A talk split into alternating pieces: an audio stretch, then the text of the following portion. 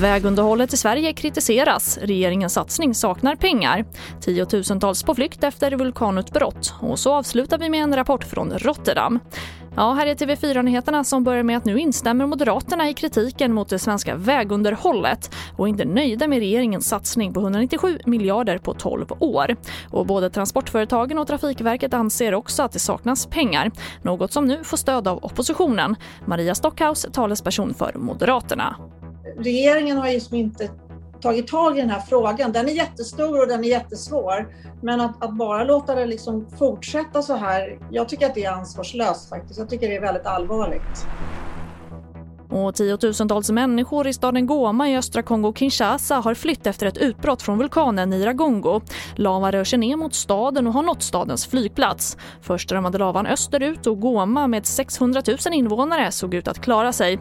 Men så öppnade sig en ny spricka i vulkanen och lavan började rinna rakt mot staden. Och mer om det här kan du se på tv4.se.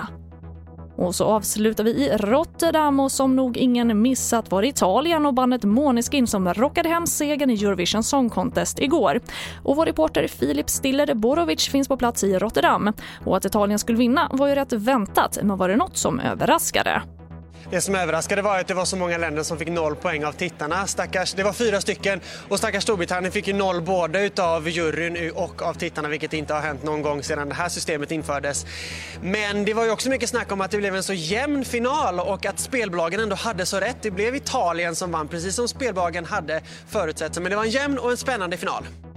Och svenska Tusse med bidraget Voices kom på 14 plats. Och det får avsluta TV4-nyheterna och fler nyheter hittar du alltid på vår sajt tv4.se. Jag heter Charlotte Hemgren.